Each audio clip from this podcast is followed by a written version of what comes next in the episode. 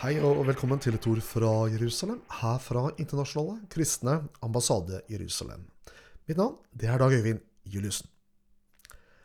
Den norske kirke har fått ny preses, eller leder, for biskopene. 30. januar ble Olav Fyksetveit innvalgt i kirkerådsmøtet.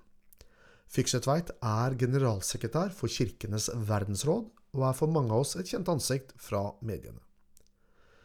Aftenposten skriver Det første sjefen for norske biskoper gjorde da han fikk jobben, var å kritisere Israel for annektering av palestinske land.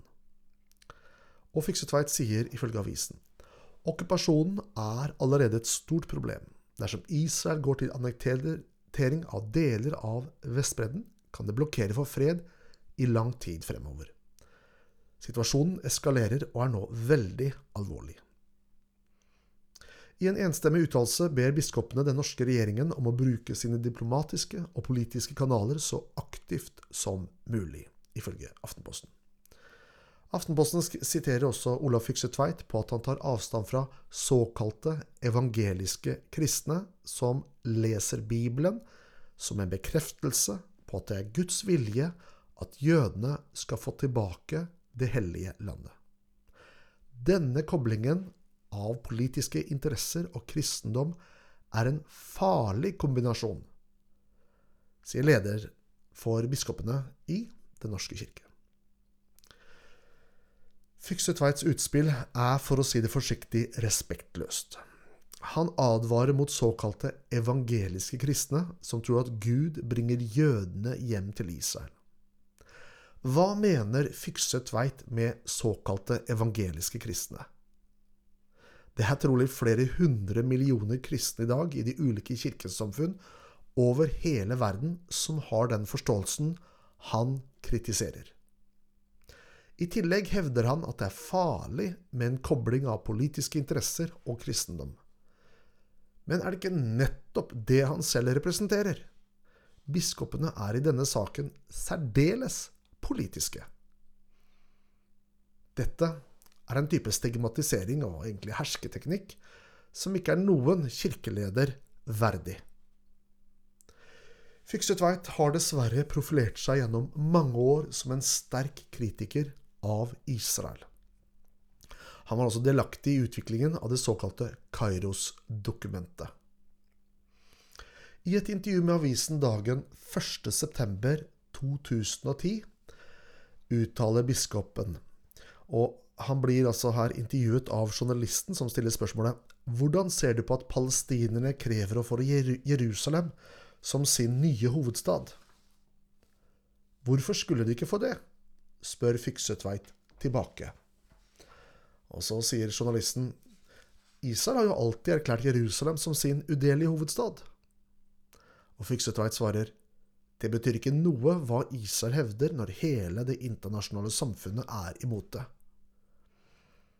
Journalisten repliserer men et land behøver vel ikke bry seg om hva andre land mener i en slik sak? Norge behøver vel ikke spørre andre om lov hvis de vil utnevne Bergen til hovedstad. Det er Olav Fykse Tveit for så vidt med på. Men så sier han Men hvis Norge erklærer Gøteborg til hovedstad, får det konsekvenser. Fykse Tveits uttalelser ovenfor forteller ingenting om virkeligheten, men den forteller alt om hans manglende kontakt med den å sammenligne jødenes forhold til Jerusalem med nordmenns forhold til Gøteborg, ja, det har jeg i grunnen ingen ord for å kommentere. Han tramper på det jødiske folkets ident historiske identitet og tro med pikksko.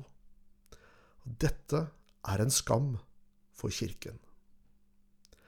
Kirken har en lang historie med hat og forfølgelse av jødene. De siste 1700 årene har kirken vært preget av antisemittisme og forakt for det jødiske folket.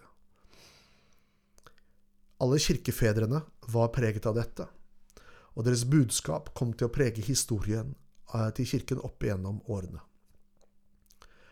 Og når reformasjonen kom, så brakte den dessverre ingen reformasjon i synet på det jødiske folk. Dette er det mørkeste kapittelet i kirkehistorien.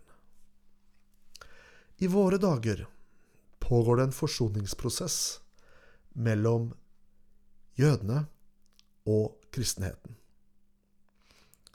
Det er vi veldig takknemlige for.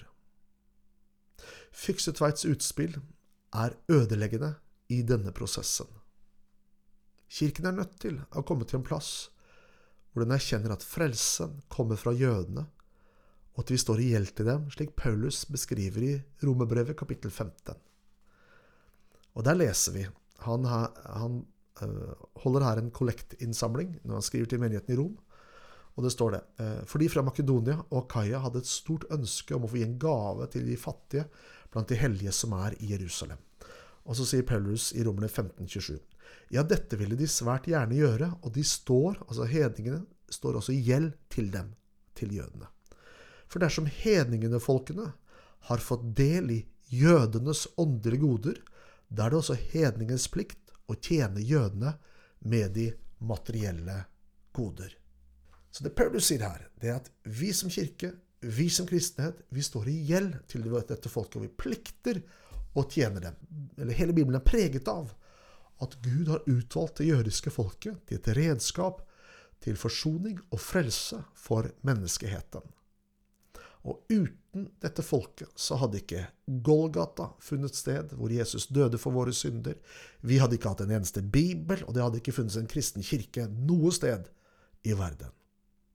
Like fullt så har Kirken vendt ryggen til dette folket opp gjennom historien. Men som sagt, i våre dager så pågår det en endring. Om du tror på Gud og tror på bønn, så oppmuntrer jeg deg til å be for våre biskoper, og be om at, eh, som det står i Bibelen, at når, når Guds ord åpner seg, da gir det lys. At de får lys når det gjelder forståelsen av Bibelen, og hva den sier om Israel og det jødiske folket.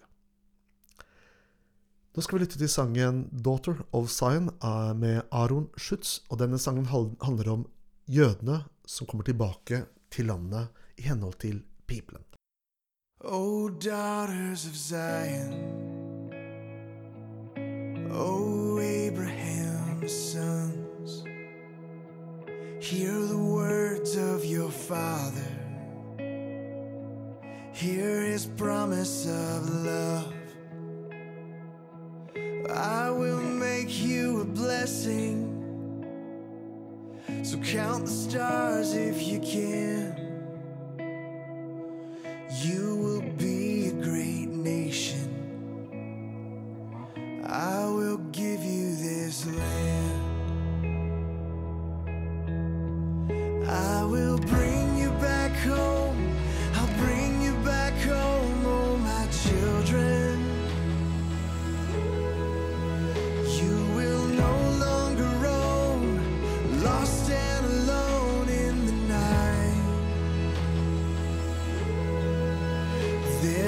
nothing on earth that could take you away once I gather you under my wings.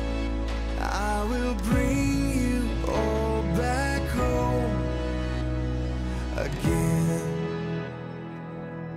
Though you've wandered like strangers to the ends of the earth,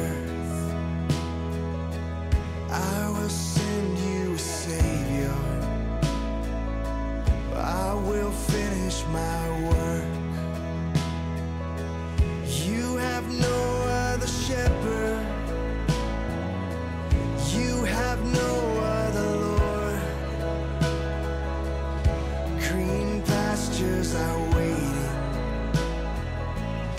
in Zion once more.